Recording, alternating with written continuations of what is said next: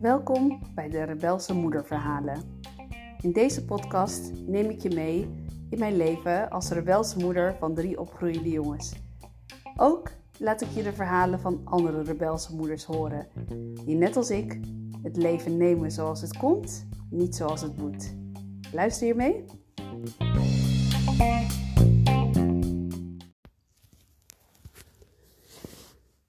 Zie je er lopen? Die moeder met de kinderen aan de hand. De voederbakken zitten in de tas. Ze was helemaal op tijd vandaag. Misschien wel iets te vroeg. Nu staat ze op het schoolplein. Alle lichten zijn uit. De deuren zitten op slot. Hmm, denkt ze. Heb ik mijn mail niet gecheckt? Wat ben ik vergeten? En ja hoor, het is studiedag. Oh my god. Dit is mij al zo vaak overkomen. Uh, nou ja, jij ziet er waarschijnlijk niet, of jij misschien wel, deze omdat jij de Rebelse Moederclub uh, luistert. Um, maar ik ben die moeder die dat allemaal vergeet. En ik weet eigenlijk wel, heus wel, dat mijn kinderen gym hebben op een bepaalde dag op school. Maar laat lekker die gymtas hangen. Want dat heen en weer geslepen word ik echt. Dat vergeet ik gewoon uh, in de ochtend. En um, ja, daar vindt, vindt men dan wat van. Want uh, nou, blikken die je dan krijgt, of als ik een keer zeg, joh, ik stond, uh, ik vind dat dan heel grappig dat ik dan op dat schoolplein stond voor die dichte deur. Maar dan zie je mensen echt kijken, woman, deal with your shit, lees je e-mail. Nou ja, misschien is dat ook wel zo, misschien hebben ze gelijk. En misschien ben ik ook wel veel te chaotisch voor deze gestructureerde wereld uh, die we in Nederland of in de westerse wereld sowieso met elkaar gecreëerd hebben. Maar ja, ik ben er gewoon niet zo goed in. Ik hou gewoon van maandag, dinsdag, woensdag, donderdag, vrijdag gaan we naar school. En zaterdag en zondag hangen we het liefst de hele dag in ons pyjama. Of doen we gewoon lekker Pippi Langkous laarzen over de pyjama en naar buiten. Want ja, ik, ik vind het echt lastig hoe je daarmee mee omgaat.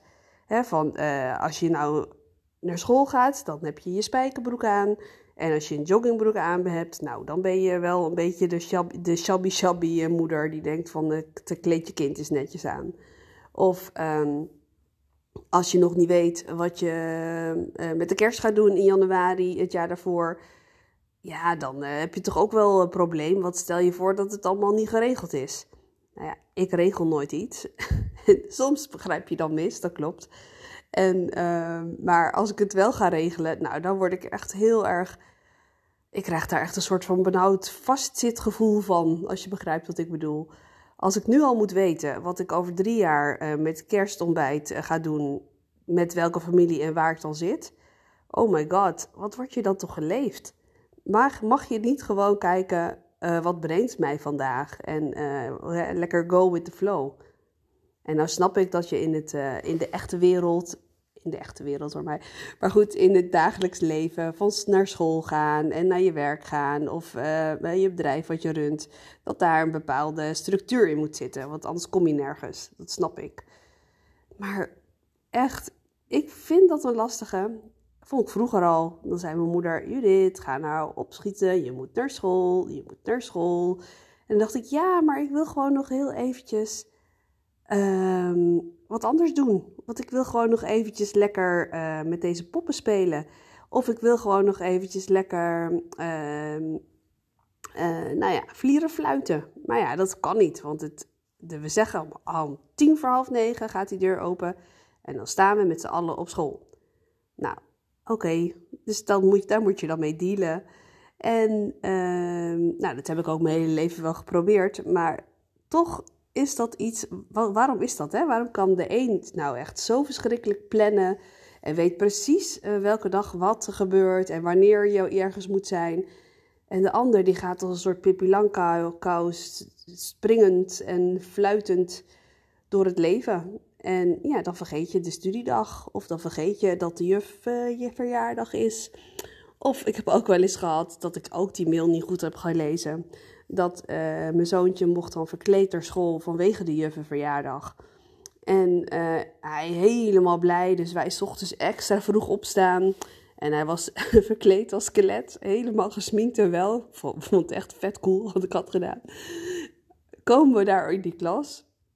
zit iedereen in oranje kleding. Want blijkbaar was het thema oranje boven. En oh, dan ga ik echt wel door de grond. Dan zie ik al die kindjes in het oranje.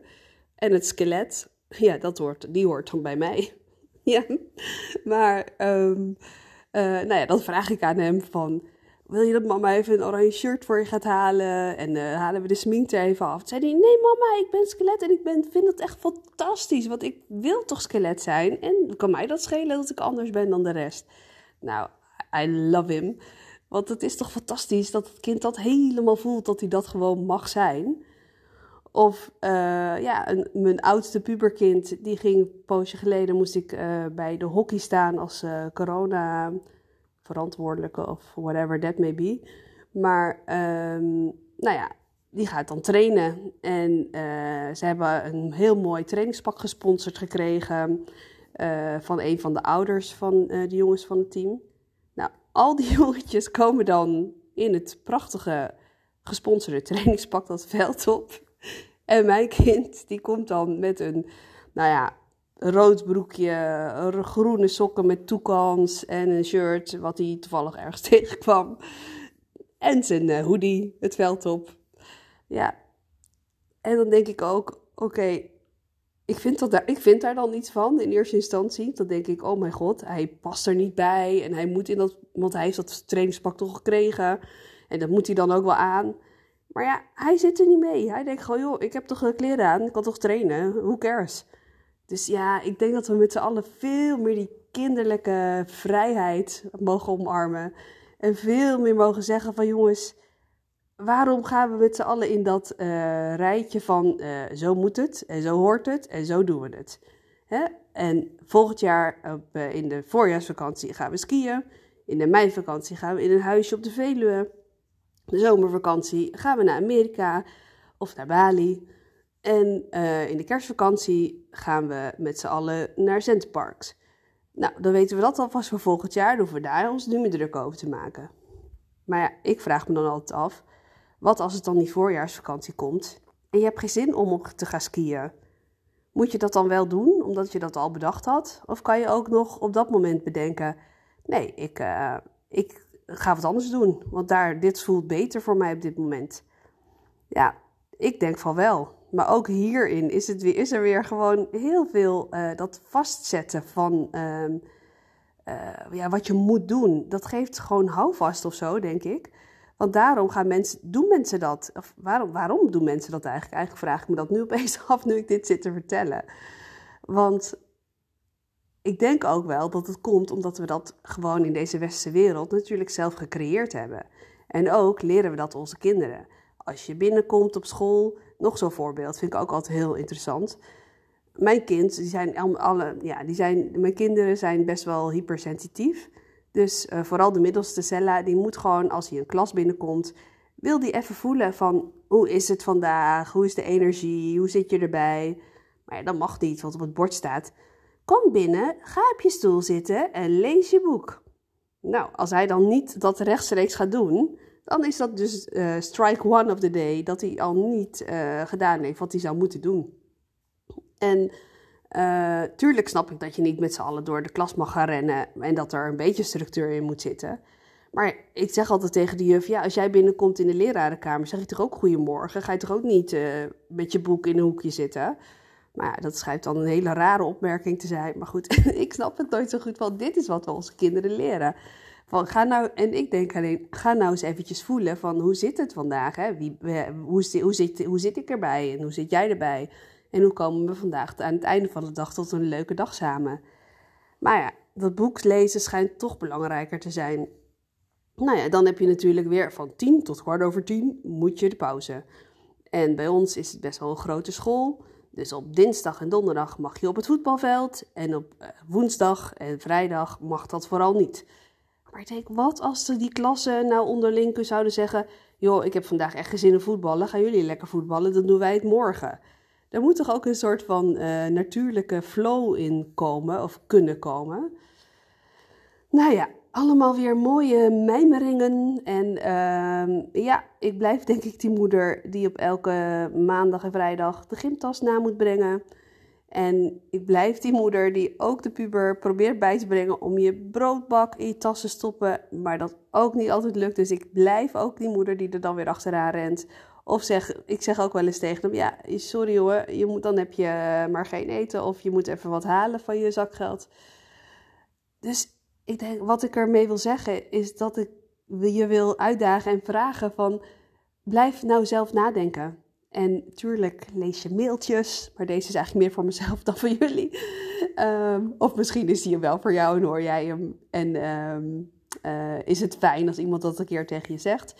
Aan de andere kant, blijf ook die Pippi Langkous. En leef je leven zoals je voelt dat het goed is. En leer je kinderen ook zo lekker onbevangen en vrolijk en te genieten van hoe het, hoe het komt. En niet per se hoe het allemaal moet. Nou, ik stuur jullie de dag in met deze wijze woorden. En ik zeg tot morgen.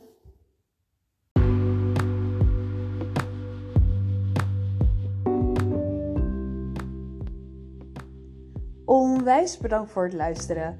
En als je nou denkt, ja Judith, ik voel jou helemaal, abonneer je dan eventjes op deze podcast. Ik zou het super leuk vinden als je me laat weten wat je ervan vindt. Dat kan je doen op Insta. Je vindt me daar onder Club voor Rebelse Moeders. En mocht je denken, nou, ik zou heel graag willen dat dit onderwerp eens een keer wordt besproken, laat het me ook weten. Dan ga ik dat zeker doen.